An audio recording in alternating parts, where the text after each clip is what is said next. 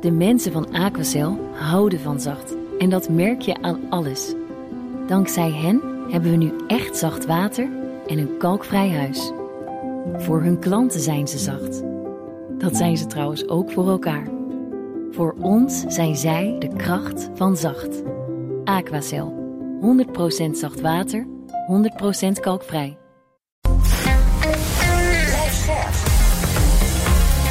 BNR Nieuwsradio. The Big Five. Paul van Liemt. De spanning op de arbeidsmarkt loopt steeds verder op. Door de grote personeelstekorten moeten bedrijven vechten om goed personeel. Wat betekent dat voor de machtspositie van werknemers? En dan is er ook nog de torenhoge inflatie. Het kabinet doet een beroep op werkgevers om de lonen te verhogen en op die manier de koopkracht te herstellen. Maar is het voldoende? Dat bespreek ik deze week met vijf kopstukken in BNS Big Five van werknemer versus werkgever. Vandaag is een van die kopstukken bij me, Ruben Houweling, hoogleraar arbeidsrecht aan de Erasmus Universiteit, kroonlid van de Sociaal-Economische Raad en ook een mooi wapenfeit. Hij riep in opinieartikel al op tot het instellen van een commissie Borslap voordat er überhaupt een commissie Borslap was. En daarom begon hij vanuit zijn eigen vakgroep ook een rapport daar gaan we zo meteen uitgebreid over praten. Het is geen saai rapport, daar waarschuw ik nu alvast voor. Welkom. Goedemorgen. Ja, en het is lastig, een hoogleraar, maar eh, volgens mij 42-jarige hoogleraar... die heel veel dingen doet, daar komen erover te spreken... en met een flamboyante uitstraling die ook een soort Netflix-serie gemaakt heeft... over arbeidsrecht, dus wij dachten, laten we elkaar gaan tutoyeren. Dat is een heel goed idee. Dat gaat lukken, hè? Voordat ik het met je ga hebben over flexwerk en vastwerk, eerst even twee dingen. Allereerst, wat gaat er gebeuren op de arbeidsmarkt deze winter? Aan de ene kant leiden we aan een personeelstekort, aan de andere kant de gasprijs die het dak uitgaat. Ja, ja het is een, uh, bijna een perfect storm, zou je kunnen zeggen. Ja. Uh, ontzettend spannend. En ik heb begrepen, morgen is er uh, een, een, hele belangrijke spreker, Tuur Elzinga. En, Zeker. nou ja, misschien zouden we hem eens moeten vragen: wordt het niet eens tijd voor een sociaal akkoord? Maar daar ja, maar vandaag met. Nee, natuurlijk. Maar vandaag met. daar gaan we zeker lang over praten. Maar vandaag praten wij met elkaar. Wat denk je dan? Wat voor winter gaat het worden? Nou, in die, in die zin, wat ik al zei, een perfect storm. In die zin uh, best spannend. Want we hebben een uh, krapte op de arbeidsmarkt. Dat betekent dat op uh, heel veel terreinen er gewoon te weinig handjes zijn. Tegelijkertijd zien we door de toenemende kosten. vorige week nog berichten dat er ook werkgevers zeggen: ja, het loont eigenlijk niet meer, letterlijk en figuurlijk.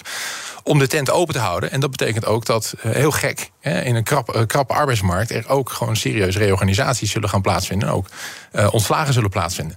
Ja, dus dat betekent toch een beetje chaotische tijden. Dan moeten we in die complexe materie eventjes een soort helderheid zien te vinden. Gaat hopelijk lukken ook dit uur.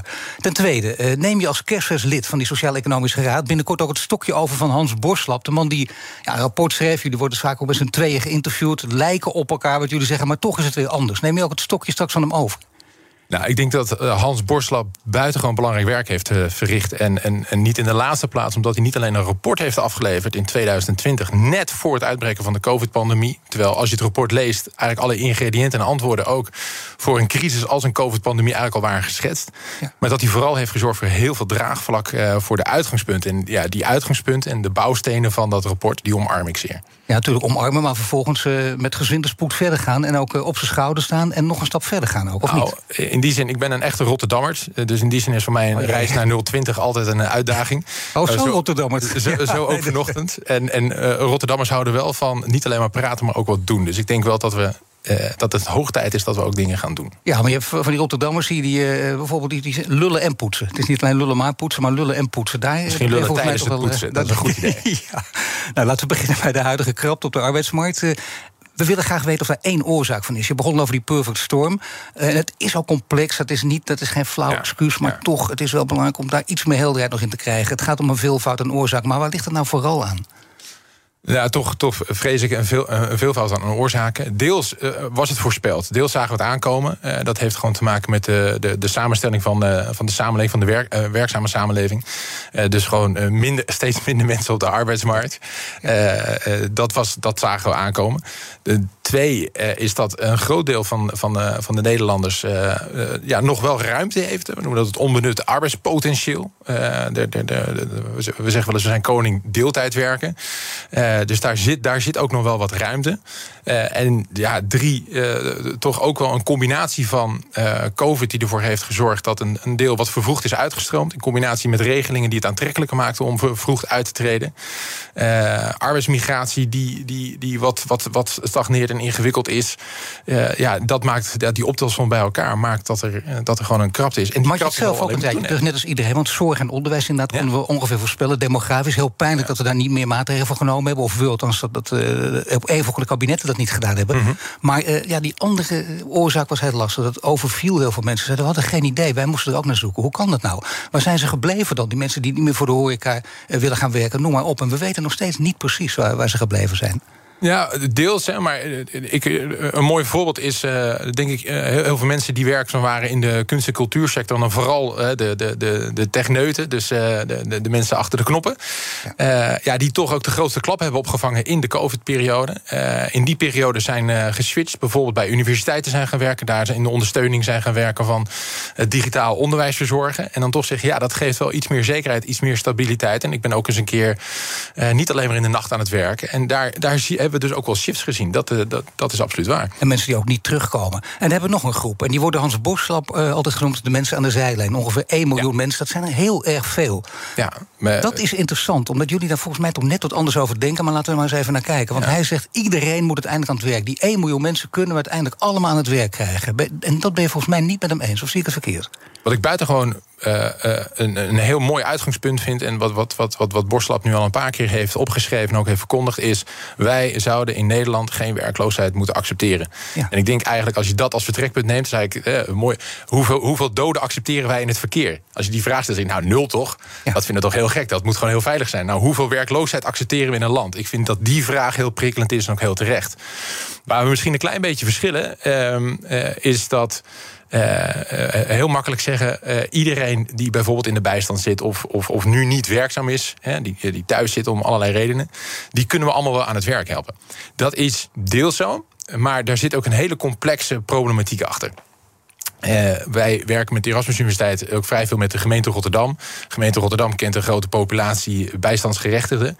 En als je daar wat dieper op in, inzoomt, ja, dan, dan is het niet alleen maar een kwestie van geef die mensen een baan. Uh, maar daar zit bijvoorbeeld achter, ja, ik ben een uh, alleenstaande moeder met vijf of zes kinderen. Uh, ik kan wel werken, maar ik moet ook voor die kinderopvang hebben.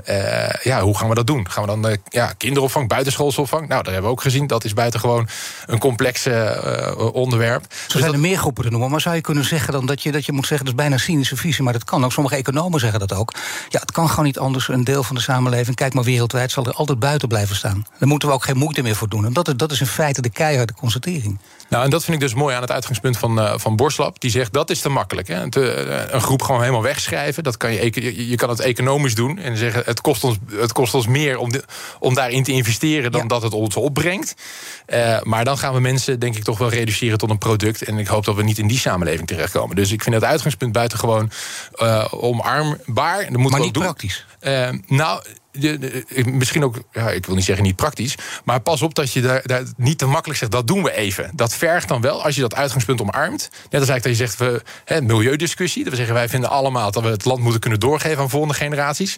Als je dat omarmt, dan moet je ook accepteren dat dat kost. Dat dat geld kost en dat dat tijd en investering kost. maar als je, als je dat omarmt, dan zou het dus wel, dat vind je dus wel, dan zou het inderdaad ook kunnen. Dan kun je iedereen aan het werk krijgen. Het is een helse klus, maar het kan wel er zal altijd een groep zijn die, uh, waar, waar, waar, je wel uh, in moet investeren, maar waarvan je zal moeten accepteren dat daar het, de, de opbrengst minimaal zal zijn. Maar dat betekent niet dat, dat, je een excuus is om. Dat is toch afschrijven. Maar dat, nee, dat, maar dat betekent dus niet dat je het om die reden niet zou moeten doen. Maar dat betekent wel dat je moet accepteren dat je soms investeert, eh, misschien wel heel veel, investeert in mensen waarvan het ja, het rendement in directe arbeidsproductiviteit misschien meevalt of tegenvalt, moet ik eigenlijk zeggen. Maar daar staat natuurlijk wel heel veel tegenover. Ja, meedoen is niet alleen maar arbeidsproductiviteit. Het is ook participatie. Het is ook eh, onderdeel zijn van de samenleving. En daarvoor moet je naar de toekomst kijken. Nu al maatregelen nemen. Dat moet je ook doen als het over vergrijzing gaat. In 2032, één op de vijf mensen is al heel dichtbij. Eén op de vijf mensen pensioengerechtigd. Hoe zorg je dat de arbeidsmarkt het opvangt... als de demografie dus zo tegenzit? Ja, en een paar jaar later, één op de vier mensen hebben we nodig in de, in de zorg. Willen we het allemaal kunnen draaien. Uh, uh, ja, de, nou dat, dat, daar kan je natuurlijk twee antwoorden op geven. Je enerzijds zeggen, we hebben dus meer handen nodig. Nou, waar gaan we die vandaan halen? Uh, hoe gaan we die activeren? Nou, misschien ook te beginnen met meer waardering voor het MBO bijvoorbeeld. Nou, bijvoorbeeld, bijvoorbeeld uh, maar we hebben ook gezien dat het, het aantrekkelijker maken van uh, bepaalde beroepen, beroepen in de, uh, in, de, in de techniek, beroepen in de zorg, daar, daar is wel aandacht voor, maar dat kan nog vele malen beter. En in, in die zin denk ik ook opnieuw toch even Borslap complimenteren. dat hij heeft gezegd, er moet veel meer samenwerking zijn tussen onderwijs, het departement onderwijs en het departement sociale zaken. want dat zijn, dat zijn geen gescheiden. dat heeft hij gezegd, maar, maar bedoel, je zit er heel goed op en dichtbij. Gebeurt dat ook? Nou, wat we in toenemende mate denk ik zien... Uh, één, interdepartementaal uh, gebeurt dat uh, zeker. en wat je denk ik ook in toenemende mate ziet... is dat de combinatie van, we noemen dat een heel, heel duur... publiek-private samenwerkingen waarin onderwijsinstellingen uh, lokaal, dat vaak wel, of regionale werkgevers zeggen: laten we nu eens de handen ineens slaan. En laten we eens kijken of dat we met elkaar in ieder geval die aansluiting van scholing en arbeidsmarkt kunnen gaan optimaliseren. En natuurlijk dat dat beter kan, dat er nog meer sturing op kan. Absoluut waar. Maar ik denk dat het belangrijkste is vooral dat je die beweging in gang zet. The Big. The Big Five. Paul van Liemt. Mijn gast is Ruben Houding, hoogleraar arbeidsrecht aan de, aan de Erasmus Universiteit. Maar dat is niet alleen. Hij is ook redactielid, hoofdredacteur van twee vakbladen. Hij werkt als advocaat, is hoogleraar, dus nu kroonlid van de Sociaal-Economische Raad. Ook een, een, een Netflix-documentaire gemaakt over arbeidsrecht. Dan denk je, ja, uh, is het een man die die focus uh, in de gaten houdt, of niet? Ja, het mooie is dat eigenlijk al, al deze, al deze.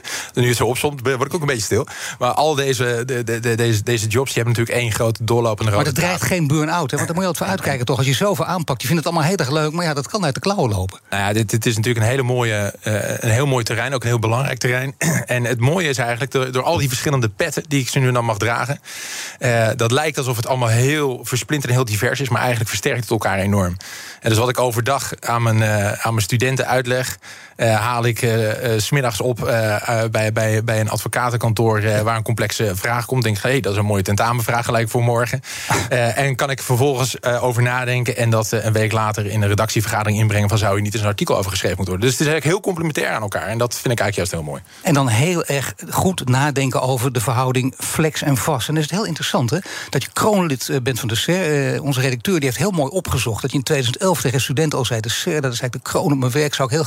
die heeft heel mooi opgezocht dat je in 2011 tegen studenten al zei: de SER, dat is eigenlijk de kroon op mijn werk, zou ik heel graag willen worden. Maar ja, die staat wel bekend om stroperig. Hè. Om de zoveel tijd zie je toch een artikel met iemand die wil tegen draad zijn... en die roept dan je moet de C opheffen. Want ja, in het polderland Nederland blijkt het heel moeilijk... toch zelfs om een sociaal akkoord te sluiten. VNO-NCW zegt, we hebben alles geprobeerd, het is niet gelukt.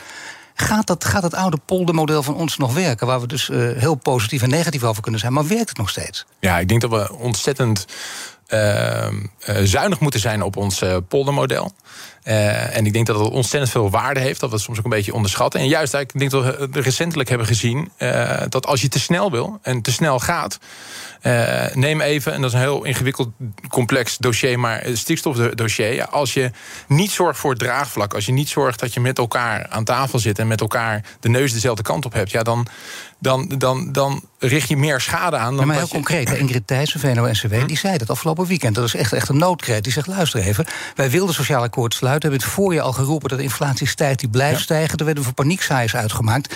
En uh, wat doet dit kabinet? Het kabinet keert zich nu ook al van ons af. En dat is natuurlijk de boodschap, wordt zo stevig mogelijk neergezet, dat begrijp ik. Ja. Maar is dat niet een grote fout van dit kabinet? Het is toch belangrijk, denk ik, als een prominente hoogleraar dat ook zou kunnen zeggen. Nou ja, en, en, en daarmee juist hè, zou het niet buitengewoon mooi zijn als de SER daar een rol in kan spelen. Uh, misschien juist als men zegt van we vinden, uh, we kijken naar het kabinet. En maar had de SER er al niet een rol in moeten spelen? Toen op dat moment ook moeten duwen? Nou ja, VNO-NCW heeft gelijk gehad, of niet, kan ook natuurlijk. Nou ja, eh, ik denk dat, dat als je kijkt naar uh, uh, bijna een half jaar daarvoor, of iets, meer, iets langer daarvoor, lag er denk ik een heel mooi sociaal akkoord. Mede gebaseerd op het rapport commissie Borslab. Vervolgens in de, in de SER omarmd, nog wat aangescherpt. dus je zou kunnen zeggen, ja, dat lag er ook. En vervolgens dat dan natuurlijk een, een, een jaar later met, met de Oekraïne, vervolgens de, de, de, de, de energiecrisis. alle aanleiding is om opnieuw met elkaar aan tafel te zitten. Ja, dat lijkt me buitengewoon gewoon nuttig. Maar daar zijn ook soms processen voor nodig. Maar het kabinet uh, staat flink onder druk op veel gebieden. En mhm. dat is ook een lastige tijd. En uh, geef het je maar te doen, moet er allemaal bij zeggen. Maar dan nog hebben ze hier wel een steek laten vallen. Ja, vind ik moeilijk om te. Zeker als kroonlid van de sterren. Ik denk, nou, kom op, Ruben Houding, die durft alles te zeggen. Nou, ik, ik vind het moeilijk om te zeggen dat het kabinet daar een, een, een, een, uh, iets, uh, iets heeft uh, laten liggen. ik denk wel dat het, en daarom ook net mijn, mijn vraag of oproep aan, aan Tuur Elzinga. Ik denk wel dat het buitengewoon verstandig zou zijn als werkgevers en werknemers met elkaar gaan zitten en niet alleen maar per bedrijf of per bedrijfstak gaan staken en, en, en proberen. Nee, FNV wilde ook niet meedoen. En die zouden dus hadden toen ook daar aan tafel moeten gaan zitten. Ja, maar tegelijkertijd, je zou kunnen zeggen, in zekere zin, ik begrijp wel waar dat vandaan komt. Dus, dus begrijp me goed. Maar mijn, mijn, mijn, nou, mijn diepe wens zou zijn, jongens, laten we eens bij elkaar zitten. Laten we eens kijken of dat we wat stabiliteit kunnen brengen. Want we kunnen allemaal roepen van het is de, een opeenstapeling van crisis. Maar dat gaat ons niet veel verder helpen. Wat wordt de visie? Hoe komen we hieruit? En tegelijkertijd begrijp ik ook wel eh, de FNV. Eh, als ik dat eventjes als voorbeeld mag nemen van alle werknemersverenigingen. Die toch zeggen, ja, na jaren van, van steeds meer flex, steeds meer uh, uitholling ja, pakken wij nu een momentum om, om wat, wat terug te pakken. Dat begrijp ik heel goed. Cijfertje ja. erbij pakken, 40% van de mensen in de flexibele schil. Hm. En uh, daar moeten we misschien nog over hebben hoe erg het dan is... of hoe, hoe, beter dat zou kunnen. Maar in ieder geval wel wat mij opvalt is... Uh, iedereen zegt altijd, we hebben een gematigd land... en uh, we zijn gewend aan polderen, nogmaals met alle voor- en nadelen. Alleen op dit gebied zie je dat het eigenlijk heel snel gaat. Het is een heel radicaal land. Als je kijkt, als ik, als ik een beetje verdiep. Nou ja, je weet veel beter dan ik. Maar het is echt toch heel gek dat dat zo hard en snel gegaan is in Nederland. Hoe, hoe kan dat? Ja, de, de, de, grote factor flex heeft een aantal onderwer uh, oorzaken. Uh, deels heeft dat te maken met, met, met, met, met, met een bepaalde bedrijfscultuur in sommige bedrijfstakken, waar men gewoon niet aan vast wil of heel veel flexibiliteit wenselijk acht. deels heeft dat te maken met concurrentie op arbeidsvoorwaarden. dus gewoon proberen die factor arbeid, althans de kosten ervan, zo laag mogelijk te houden. Maar vlak ook niet uit. Er is een steeds grotere groep geweest, en zeker de laatste jaren, van ZZP-ende werkers, die eigenlijk omgekeerd tegen de werkgever zeggen: Ja, u biedt mij wel een arbeidsovereenkomst aan, maar dat wil ik niet. Ik wil als ZZP'er aan de slag. Dat is bijna de omgekeerde wereld. En zeker nu, ik hoor genoeg werkgevers zeggen: Ja, ik bied het wel aan, ik wil ze ook graag hebben, maar zij, zij willen niet meer. Dus dat is eigenlijk een hele gekke, ja, bijna 180% andere benadering. Dan zegt nu worden arbeidsovereenkomsten of vaste contracten aangeboden en men wil het niet. Nee, nee, maar dat is heel goed ja, om dat even te zien dat die twee kanten eraan zitten, maar toch dat het zo snel gegaan is. Dat, uh, dat sommige mensen riepen dat ook al een tijdje, maar dan denk je ook, zijn ook schreeuwlelers, maar die hebben toch gelijk gekregen dat dit heel hard gaat. Is het erg dat het zo hard is gegaan? Ja, uh, ondertussen even te denken van hoe hard is het gegaan? Eigenlijk sinds de jaren negentig is bijvoorbeeld de factor uh, ZZP uh, aan de deelname aan de arbeidsmarkt. Die, die is eigenlijk vrij constant gewoon elk jaar aan het groeien. En de laatste nou, vijf jaar is die steeds meer in beeld gekomen en misschien wel sneller gegroeid. Maar dat is eigenlijk een, een vrij constante stroom. We hebben ook gestimuleerd hè, met allerlei maatregelen, vooral fiscale maatregelen. Maar 40% flex, dat, dat hadden we toch niet verwacht? Dat dat redelijk snel zou gaan in een paar decennia tijd? Nee, nou, het is eigenlijk vooral hè, de, de, de terugloop van vast, hè, die, die je eigenlijk al ja. decennia ziet. En dat is nou, de laatste jaren iets gestagneerd, die daling. Maar dat is eigenlijk wat ons grote, grote zorgen baart. Uh, en ja, ik, ik denk dat dat geldt voor alles. Alles wat een wegwerpproduct is, dat is niet duurzaam. Uh, en ik denk dat we in de tijd leven van duurzaamheid. Zowel uh, gebruik van grondstoffen, gebruik van, van, van voeding... maar ook de gebruik van de factor arbeid. Maar dan hoop je op één oplossing. En dan denk je, Boslab en, en jij, jullie zitten op één lijn... maar toch niet helemaal. Als ik even probeer mm -hmm. zo simpel en scherp mogelijk samen te vatten... Boslab die zegt, zorg voor zoveel mogelijk contracten... ontmoedig flexwerk... En jij zegt juist regel, flexwerk beter. Wat, ja. wat is dan precies het verschil? Ja, uh, uh, eigenlijk de, de, de, wat de commissie Borslab uh, zegt is... investeer weer in die duurzame arbeidsverhouding. En, en de arbeidsovereenkomst voor onbepaalde tijd... zou daarin eigenlijk toch de norm moeten zijn. Ehm, in het wetboek van werk, een, een club van, van schrijvers Waar, eh, waar, waar, waar, ik samen met eh, onder andere Max Keulaerts de penvoerder van was. Sommige mensen zeggen ook dat is de next step, hè? Uh, nou ja, dat, die worden graag aan anderen over. Maar, nee, dat, ja. nee, maar wij hebben eigenlijk gezegd... accepteer nou eigenlijk de, de, veel, de veelheid aan, aan, aan werkvormen.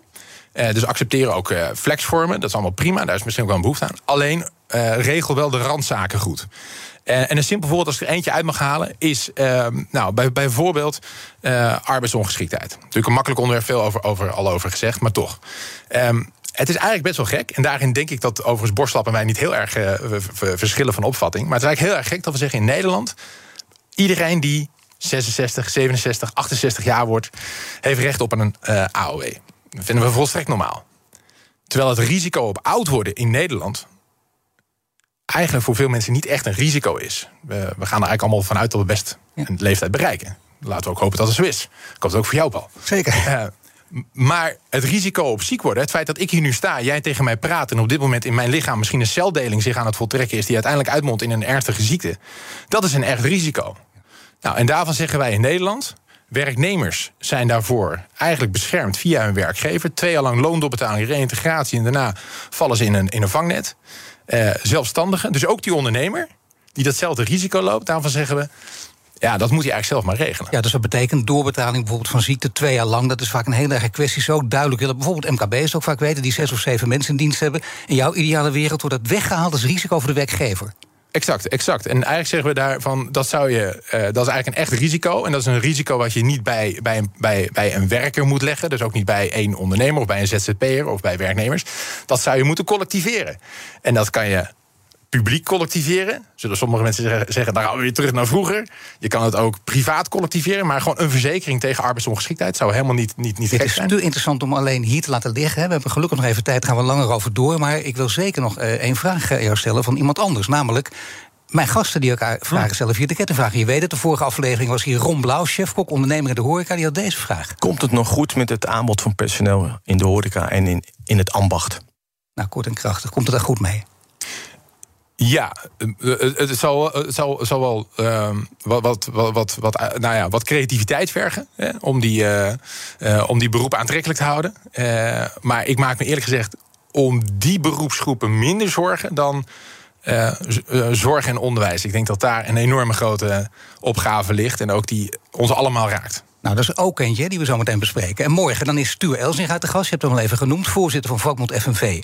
Abonneer je op onze podcast via je favoriete podcastkanaal... om geen aflevering te missen. En straks praat ik verder met Ruben Houweling... onder andere over polderen rond de arbeidsmarkt. Blijf luisteren. De mensen van Aquacel houden van zacht. En dat merk je aan alles. Dankzij hen hebben we nu echt zacht water en een kalkvrij huis. Voor hun klanten zijn ze zacht... Dat zijn ze trouwens ook voor elkaar. Voor ons zijn zij de kracht van zacht. Aquacel. 100% zacht water, 100% kalkvrij. Dus u wilt meer vrijheid. En u wilt meer ruimte. Dan is het nu tijd om dat waar te maken. Gelderse Woningbouw geeft ruimte. Gelderse Woningbouw bouwt woningen van hout. Meer weten? Ga naar geldersewoningbouw.nl.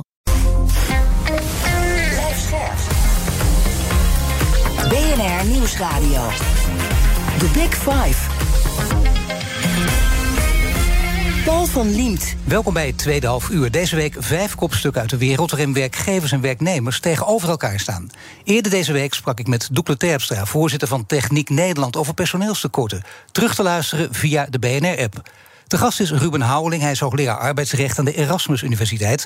En komend half uur wil ik in ieder geval twee dingen met je bespreken. Namelijk de arbeidsmarkt van de toekomst en de polder rond de arbeidsmarkt. Kijk, we deden net al een klein voorzetje, maar ja, je ziet het, hè. SER, klassiek polderorgaan. Het klassieke veld is het tussen werkgevers en werknemers. Maar is dat nog te bepolderen als 40% van de mensen, want dat is de huidige situatie, als 40% flexibel is? Kan dat nog via dat klassieke patroon? Ja, ja, daar ben ik van overtuigd. En ik denk wel dat er, wat daarvoor nodig is, uh, en dat zou, uh, ja, dat, dat zou wel heel mooi zijn als we daar de komende periode hard werk van maken. Dat je wel naar een nieuwe inrichting van die arbeidsmarkt gaat. En vooral, uh, als ik één ding eruit mag, mag lichten. Ik zou enorm voorstander zijn van het sociale vangnet uit de arbeidsverhouding halen. Dat is stevig. Dat is heel stevig, ja. Dat is bijna een bom, zou ik zeggen. nou, ik weet niet of dat, of dat een bom is, maar als je kijkt naar, naar, naar de... Nee, maar het, is dus, het lijkt, als je, als je, zonder context is het dus mensen aan hun lot overlaten. Ze redden zichzelf wel. Nee, juist, juist het tegenovergestelde. Nee, het is goed dat je doorvraagt, uh, Paul. Anders dan, uh, ontstaan hier hele gekke beelden. Nee, maar uh, we hebben voor een belangrijk deel is de arbeids, of is het sociale vangnet. Denk aan ziekte, denk aan werkloosheid, denk aan ongemakken die, die zich kunnen voordoen tijdens, tijdens het werken. of, of, of, of gelukkige situaties waar, waar even tijdelijk verlof voor nodig is. Dat is allemaal geregeld via de arbeidsovereenkomst. Maar zodra je die arbeidsovereenkomst niet hebt dan hebben we eigenlijk een heel complex stelsel. Wat, en dan laten we eigenlijk mensen heel snel aan hun lot over. Of zeggen, nou, dan komt de bijstand er heel snel in zicht. Nou, je zou heel uh, uh, um, verstandig misschien doen door het sociale vangnet los te koppelen van de arbeidsovereenkomst. Dus je zou je kunnen voorstellen, net als dat we zeggen, iedereen in Nederland is vanaf zijn achttiende verzekerd tegen aansprakelijkheid. Dat vinden we volstrekt normaal. Dat je zegt, nou, misschien zouden we dat ook moeten doen voor risico's die zich kunnen voordoen uh, in het werkende leven. Ja, dat is volgens mij is dat uh, iets wat, wat heel lang geleden al bestond natuurlijk. Hè. De vorige eeuw ook, dan had je zoiets. Maar dan krijg je bijna net als je over, over ziekte nadenkt... Uh, dan gaan we ook terug naar het ziekenfonds. Waren dat uh, betere tijden op dat gebied? Kunnen we daar gewoon echt op terugvallen? Bijna op die oude patronen? Nou, je zou eigenlijk twee dingen daarin moeten doen. Eén, moeten, moeten terugkijken. Moeten zeggen van waarom hebben we toen ook alweer afgeschaft. en dat, dat had iets te maken met. Werd op een gegeven moment te stroperig, te, te ver af van, van, van, van de werkvloer. Uh, en gek genoeg waren het destijds vooral de werkgevers die zeiden: laten we het anders doen. Want, want we raken onze werknemers kwijt. Die, die komen ergens in, in de ziektewet en die zien we nooit meer terug. Terwijl er heel veel arbeidspotentieel nog uit valt halen. Dus dat moet je behouden. Dus die reïntegratie dicht op de mens, dicht bij de, bij de werkvloer. Maar het collectiveren van, van, van zo'n risico, dat is buitengewoon verstandig. Uh, wat denk ik minder verstandig is, en dat zien we nu gebeuren, als het thema zieke werknemer eruit ligt, hè, is dat we zeggen: de werknemer met een vast contract. Die is twee jaar lang verzekerd, we zeiden het in het vorige half uur, ja. tegen, uh, tegen inkomensval. Ja. Nou, een, een, een, een ZZP'er heeft dat niet. Terwijl we eigenlijk zeggen dat het risico om ziek te worden... is voor, voor die beide groepen even groot. Nee, we zeggen nu tegen de ZZP, doe het zelf maar. Dan gaat de ZZP zeggen, ja oké, want die, die is gewend alles zelf te doen... tot je erin gaat verdiepen, dan schrik je je rot. Dan denk je, oh, dat is niet te betalen. Dus doe ik, maar, doe ik het maar niet. Dat is ook heel gevaarlijk. Ja, exact. Mijn, mijn, mijn wederhelft is onlangs uh, voor zichzelf begonnen... en die, uh, die, die ging een AOV afsluiten. Nou, ik ben de, de voorwaarden ja. doorgegaan. Uiteindelijk hebben we gezegd, nou, laten we drie, drie euro per week verzekeren... want dat is nog een beetje te betalen. Nou ja, zie je, nee, maar dan kom je inderdaad heel dichtbij... dan zie je hoe lastig dat is. Maar hoe kun je dat dan oplossen? Nou, kijk, het mooie daarin is, wat, wat eigenlijk, en dat, dat eh, ik, ik, vind het mooi dat nu die eerste stap is gemaakt. Dat men heeft gezegd, wij vinden eh, dat, dat, dat, dat, dat ook de groep eh, eh, zelfstandigen zich moet verzekeren te, tegen arbeidsongeschiktheid. Maar ik vind eerlijk gezegd ook een klein beetje een gemiste kans. Want wat je nu doet, is dat je een, een kleinere groep, zo'n 1,2 miljoen werkers. Uh, die heel divers is. Dus daar zitten stratenmakers bij, daar zitten radiopresentatoren bij, daar zitten mensen bij die adviezen geven op, op, op fiscale constructies. Dus heel divers. Ook hele diverse, diverse kan niet als je het zo beschrijft. Nee, nee. En dus ook hele diverse risico's. Ja. Dus dat wordt een heel ingewikkeld verzekeringsproduct. Dus hoge kosten, lage dekking. Terwijl als je zou zeggen, iedereen vanaf zijn achttiende in Nederland... of dat hij nou student is, of dat hij werkt, of dat hij nog... nou, verzin het maar. Uh, die is gewoon verzekerd tegen arbeidsongeschiktheid. Ja, dan heb je het opeens over nou, bijna tegen die tijd 10 miljoen werkers. Dat, dat als je de verzekeringsmarkt op gaat, je zegt: Ik heb hier 10 miljoen afnemers. Wat, wat wordt uw product? Ja, dan krijg je opeens een heel ander prijs. Nee, dat klinkt inderdaad als het ideale tovermodel. Maar dan nog uh, zeg je altijd: hoe is dit te betalen? Want is dat ooit berekend? Hoe, wat, wat zou dat dan gaan kosten? Ook, ook met het oog op de toekomst, vergrijzing, alles bij elkaar. Nou ja, kijk, wat je dan vervolgens oh, daarmee doet, is twee dingen. Je, je, je, aan de ene kant bied je een een, een alternatief voor ZZP'ers die zeggen: ik kan nu een, een betaalbare AOV, uh, arbeidsongeschiktheidsverzekering, die ook uh, wat oplevert, bekostigen. En tegelijkertijd haal je bij de werkgevers een van die, van die gevoelige dossiers van ik moet twee jaar lang het loon doorbetalen van een zieke werknemer. Zeg eigenlijk, nou ja, als dat al collectief verzekerd is, dan is de, de, eigenlijk de vraag: hoeveel ga ik daar nog bovenop hè, als, als werkgever? Eraan, er, erbij leggen. Want als het goed is, is er al een verzekering voor deze werknemers als die ziek wordt. Dus de kostprijs van de werknemer wordt iets lager. De kostprijs van de ZZP'er wordt iets hoger, maar betaalbaar. En daarmee wordt het level playing field, om het maar even stoer te zeggen, tussen die twee eerlijker. Ja, precies, en dan kun je dus, als je laten we zeggen tien jaar vooruit kijkt... en we zien wat hm. voor, eh, nou mag ik een clichéwoord even gebruiken... wat voor uitdagingen we tegemoet gaan, dan kun je zeggen... de komende tien jaar zou het heel goed zijn om dit bijvoorbeeld binnen één jaar in te voeren... want het is ook betaalbaar en structureel betaalbaar. Nou ja, en, en, maar vergis niet... Nee, maar het gaat, ik bedoel, dit, ik, heel flauw, want je moet altijd genuanceerd... Ja? hier kun je gewoon ja of nee zeggen. Is, is dat gewoon structureel betaalbaar? Als het een heel goed idee is, moet het ook betaalbaar zijn. Nou ja, het gaat hier denk ik niet eens zozeer om de betaalbaarheid... waar, waar je grootste uitdaging ligt. Het gaat hier om uh, de instituties meekrijgen. En dat is waar eigenlijk de, de, de, grootste tijd en ook de grootste ja, de, de, de, ja, complexiteit, noem dat maar zo. Ja, maar dat begrijp ik, dat gaat er zeker aan vooraf. En dan is het betaalbaar als ze allemaal meegaan. Dat, dat, zo is het wel, zo ziet het model er wel uit. Maar waar ligt dan de grootste hobbel? Wie, wie, wie ligt hier het meest dwars? Nou, ik weet niet of dat hier iets het meest dwars ligt. Maar, maar kijk gewoon even uh, hoe. Uh, als je natuurlijk nu een stelsel hebt. Uh, waar je werknemersverzekeringen hebt. En je hebt volksverzekeringen. En je hebt toeslagen. En je zegt we gaan naar een nieuw model toe. Dan krijg je, oké, maar hoe gaan we om met de huidige populatie? Uh, wie faseert waar, wanneer in? Kan onze uitvoering dat aan? Ja, maar we zeggen natuurlijk, hè, maar dat is niet onbelangrijk. Nee, maar ik bedoel, nee, maar dat, ik bedoel natuurlijk allicht. Dat is heel lastig. Dat zijn allemaal redenen om het dus niet te doen. Maar je wil het wel doen, dus eh, dan, moet je proberen die redenen weg te nemen. Ik snap dat dat heel lastig is, dat het niet van de een op de andere dag gaat. Maar uh, heb, heb jij of jullie, of is er een groep die zich hierover gebogen heeft... en al want het is een next step van Borslap. Ik zeg het even tussen aanhalingstekens en voor de grap. Je lacht er ook een beetje om, maar toch is dat het waarschijnlijk. Wat ligt er zo'n model al klaar om dit te regelen? En kun je dan zeggen hoe lang dat gaat duren? Nou, ik, ik, denk dat je, dat je. Je zei net uh, even binnen een jaar. dat lijkt me vrij onrealistisch. Hè? Maar ik denk wel dat je binnen een jaar, uh, of, of binnen anderhalf jaar met elkaar zou kunnen zeggen. En de horizon 2030. Eh, wij hebben destijds gezegd 2025 zou heel mooi zijn. Inmiddels zitten we in, in hal, halverwege 22. Nou, dat wordt, dat wordt wat spannend. Maar ik denk in 2030, als je zegt... dan hebben wij in Nederland een, een, een, een sociaal weerbaar stelsel dat dat haalbaar moet zijn, ook voor de uitvoering. Maar daar heb je wel regie voor nodig. En dan Absoluut. is mijn vraag altijd, wie moet regie nemen? En één land mag je niet geven, namelijk uh, Johan Remkes. Want dat kan niet, hè? Die, die moet overal de regie overnemen. Maar wie moet het dan doen? Nou, ik denk dat, dat, dat, dat, we een, een minister van Sociale Zaken hebben... die, uh, die is net begonnen. Uh, die heeft voor de zomer een brief geschreven... waarin ze toch, uh, denk ik echt wel... daar, daar, daar, daar wordt genuanceerd over, over, er wordt verschillend naar gekeken... maar ik denk, als je die brief goed leest... wordt er toch wel gezegd... ik ga aan de slag op die arbeidsmarkt. Uh, geeft die minister, ik hoop dat de minister tijd krijgt, dat het kabinet nog even volhoudt. Maar ik hoop dat, dat, dat die minister uh, over een jaar zegt: Nou ja, ik, ik ben nu goed ingelezen in de dossiers. En ik durf een Borslap 2.0, en misschien moet Borslap, hij is nog zo actief, gewoon zeggen: Ik heb een rapport neergelegd.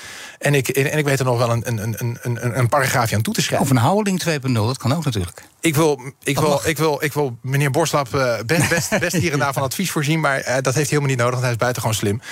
maar zo'n meerjarenplan. En dat is het belangrijkste dat we die doelstellingen vasthouden. Net als eigenlijk met stikstof. Dat we zeggen, dat doel is 2030 moet er een uh, sociaal weerbaar. Maar als je dat voor elkaar krijgt, wordt het wel heel interessant. Want er wordt altijd geroepen, je zei het zelf al, het is inderdaad een heel die, enorm diverse groep, die flexwerkers en ZZP'ers. Bijna niet te vertegenwoordigen daardoor. Is dan vertegenwoordiging ook niet meer nodig als dit model in werking treedt? Nou, het mooie is eigenlijk wat je daarmee dus ook doet, is dat je juist uh, die, die grote groep aan diverse werkers. Want je ziet, denk ik, en ik denk dat jij dat ook ziet, ik denk dat heel veel mensen dat zien, de combinatie. Hè? Iemand werkt ergens drie dagen in vaste dienst, heeft nog een eigen bedrijfje, uh, flex nog een beetje bij. Dus, en en zo'n stelsel zou juist zeggen: het maakt niet uit of dat jij nou drie dagen, vier of vijf dagen een baan hebt. Het maakt niet uit of je flexer bent voor dat vangnet. Je andere vraag, je, je inspraak, je zeggenschap. Ik denk dat dat ontzettend belangrijk is. Uh, uh, en dat is een, een, een, een vraag, nou, waar, waar, hè, waarvoor zijn de vakbonden? Nou, ik denk dat die op dit moment heel goed werk doen. En ook wat ik buitengewoon mooi vind... Maar toch met heel weinig leden. En ja, dat is toch best vreemd in deze tijd. Want als je ziet, collectief kunnen ze wat voor elkaar krijgen. Met name bij de spoorwegen, die trouwens van oudsher ook veel beter georganiseerd zijn. Maar toch. Ja, maar, maar, maar hè, ik denk dat je op heel veel terreinen zie je... Hè, dat, dat het commitment van mensen, dat heeft niet zozeer te maken met... Uh, doet de vakbond het wel of niet goed. Maar ik denk dat je ook kan kijken naar politieke partijen... of verenigingen in zijn algemeenheid. Dat mensen hè, zich langdurig binden aan een, een vereniging. Nou, dat, dat, dat, dat, dat, dat is misschien een beetje van de vorige generatie. Ben je zelf lid van een vereniging of niet? Eh, ik ben zelf lid van een vereniging. Welke? Eh, van, van, van, van, van de Tanksudo-vereniging. De Tanksudo? Ik zie hey. kijken al. Ja, ik te denken. Ik dacht dat ik alles wist. Nee, vertel even. dat, dat, is, dat is een vorm van eh, een soort, een soort taekwondo. Oh, die. Oh, dames en heren, ik zie nu iemand naar me kijken van jij en taekwondo. dat geloof ik helemaal niet van. Nou, nou, dat weet ik niet. Nee, dat zou heel goed kunnen. Ik probeer het even tot me door te laten drinken. Maar dat is, nee, ik geloof alles natuurlijk. Hè. Ik bedoel, je bent met een negenkoppig monster inmiddels. Dus dat is ook. Maar dan geen lid van, van een werkgeversorganisatie of een vakbond? Geen lid van een vakbond. Bewust niet ook? Moet ik, moet ik eerlijk, eerlijk bekennen. Uh, uh, nee, niet, niet, niet bewust. Maar dat is misschien wel. Precies Mag ik toch even een, een lid van een politieke partij? Want Boslap is dat wel uitgesproken, duidelijk. Hè? Gewoon een hoge ambtenaar, maar ook echt een uh, CDA-denker. Ja, en uh, daarin vinden we elkaar ook. Prominent CDA-lid. Ruben Houweling. Nee, ik heb geen prominente CDA. Maar wel, maar wel, kijk, we zien in de politiek is het heel moeilijk om mensen te krijgen. En, en mensen durven niet, dat snap je ook. En je krijgt aan alle kanten klappen en mensen met, zeggen dat de reputatieschaat is te groot. Maar als Ruben Houweling ooit uh, voor de kans komt om minister van Sociale Zaken te worden in bijvoorbeeld een volgend kabinet, zegt hij dan ja? Ik heb altijd gezegd, er zijn twee mooie, mooie, mooie plekken. Eén is de SER. En uh, de andere is uh, mensen die bij het ministerie van Sociale Zaken werken... doen buitengewoon mooi werk.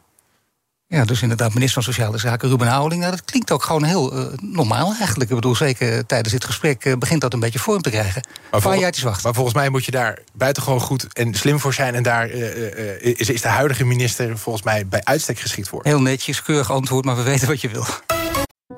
De mensen van Aquacel houden van zacht. En dat merk je aan alles.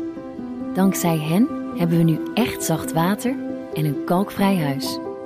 Voor hun klanten zijn ze zacht. Dat zijn ze trouwens ook voor elkaar. Voor ons zijn zij de kracht van zacht. Aquacel. 100% zacht water, 100% kalkvrij. Dus u wilt meer vrijheid. En u wilt meer ruimte. Dan is het nu tijd om dat waar te maken. Gelderse Woningbouw geeft ruimte. Gelderse Woningbouw bouwt woningen van hout. Meer weten? Ga naar geldersewoningbouw.nl. BNR Nieuwsradio. The Big Five. Paul van Liemt. Je luistert naar BNS Big Five van de werknemers versus werkgevers. Morgen praat ik met Tuur Elzinga, voorzitter van vakbond FNV. Mijn gast is Ruben Houding, hoogleraar arbeidsrecht aan de Erasmus Universiteit. Tijd voor uh, misschien je favoriete exercitie. Ik geef je een schone lijn, toverstok. Als je interviews met jou leest, komt dat wel eens naar voren. Wat moet er geregeld worden om in 2030 te zorgen voor de ideale arbeidsmarkt? En nu even zonder beperkingen. Maar wat is je ideale arbeidsmarkt? Ja, mooi. Uh, als, je, uh, als je inderdaad met een schone lijst zou beginnen, ik zei het net al, eh, haal de sociale zekerheid uit de arbeidsovereenkomst en zorg voor een sociaal vangnet voor iedereen. Overigens, daarin verschillen Borslab en Wetboek van Werk echt niet van elkaar. Dat lijkt zo, maar dat is echt niet zo. Daar zitten we eigenlijk op één lijn. Uh, ik denk als je dat doet, dan, dan doe je al heel veel. Twee, maak de, de, de, de, de, de belasting op arbeid eerlijk. Wat bedoel ik daarmee? Er moet geen, geen fiscale prikkel zijn voor werkers om te kiezen voor een bepaald model, omdat ze dat net nog meer overhoudt. Het is eigenlijk heel gek.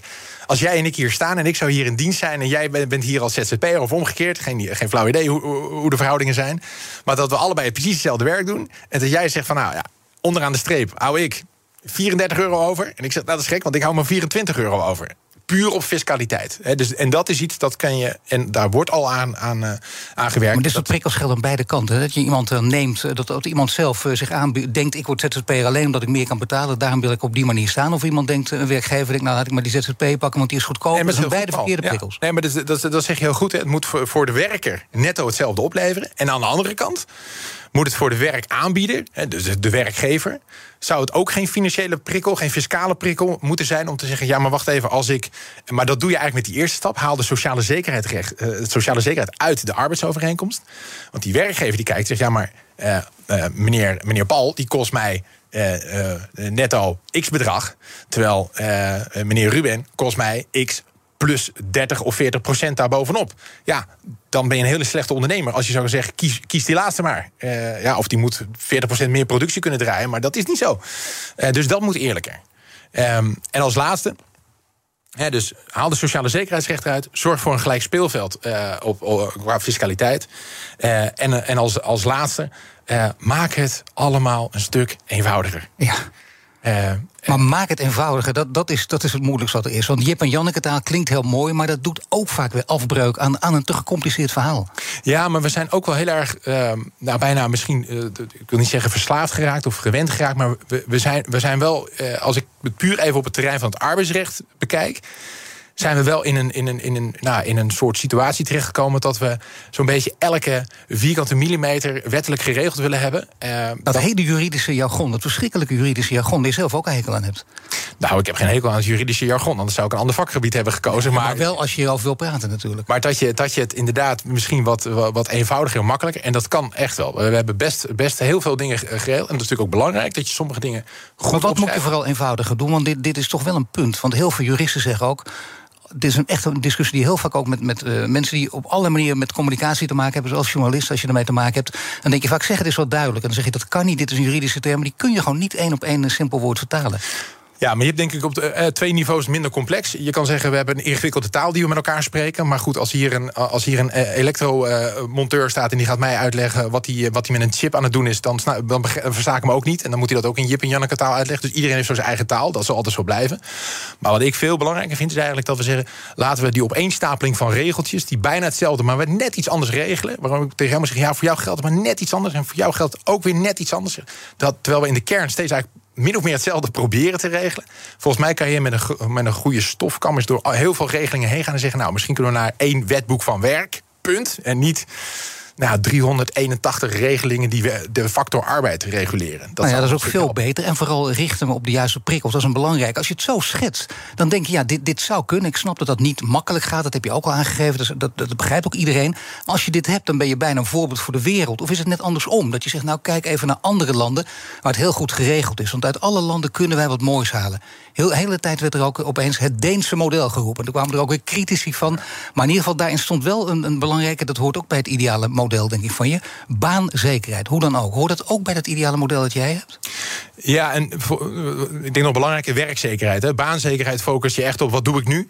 Terwijl werkzekerheid eigenlijk zegt van... het maakt niet uit misschien dat je baan verdwijnt... of er komen nieuwe... want hè, we hebben het nog helemaal niet gehad over technologie en enzovoort... wat dat voor impact heeft op de factor arbeid. Maar werkzekerheid, dat die rust er is... en ook die beweegruimte er is.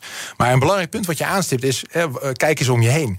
Als ik heel kort uh, een voorbeeld mag noemen. Uh, uh, toen we de wet op de arbeidsovereenkomst hebben gemaakt. Dat kwam eigenlijk uit een tijd waarin we ook in een enorme crisis zaten. mensen die geen inkomen hadden. sociale nou, wantoestanden. En toen kwam er een wet op de arbeidsovereenkomst. Die is ook niet binnen een dag of binnen een week of binnen een jaar gemaakt. Daar is heel goed naar de landen om ons heen gekeken. Dus, en ik denk dat waar opnieuw Borslap heeft gezegd... jongens, ik heb hier een rapport. Dat, geeft een visie en dat geeft bouwstenen. En gun, hè, gun nu de, de, de, de komende kabinetten, hè, bewust ook meervoud, de tijd en de ruimte om dit uit te werken. dat lijkt mij heel belangrijk, dat het niet een beleidsdocument wordt wat, wat, wat, wat van, van, van week tot week kan verschillen. En, en belangrijk, dat blijkt bijna als rode draad in dit gesprek, die algemene arbeidsongeschiktheidswet. Want je doet dat heel handig. Je zegt, ik wil er één ding uitpikken, gaat er steeds daarover. En ik begrijp het ook, omdat dat ook een hele belangrijke is. In 98 afgeschaft, we weten nu ook waarom. Maar we hebben even dit uitgezocht. De crux van die, die collectieve verzekering is toch de hoogte van de premie. Daar ging de opvolger van de ARW, dus die, WAZ, al die afkortingen weer vergeten voor zelfstandigen. Maar die ging daar mis. 8% van het loon uh, bijvoorbeeld, hè, moest je daarvoor betalen. Dus de hoogte van de premie, hoe regel je dat nu zodat iedereen mee wil doen? Want je gaat dan toch weer rekenen, en vooral in deze tijd. Ja, ja. ja. is. is um... zonder, want je komt nu natuurlijk in, de, in de, bijna in het verzekeringsrecht terecht, ja, uh, waar, uh, waar mensen nog veel verstandige dingen kunnen zeggen. Maar uh, ik denk dat het belangrijkste is wat je niet moet doen. En dat was, was een beetje het makken misschien van, van die wet. En was misschien ook een beetje de tijd vooruit. Hè. Dat was toen nog een te kleine groep.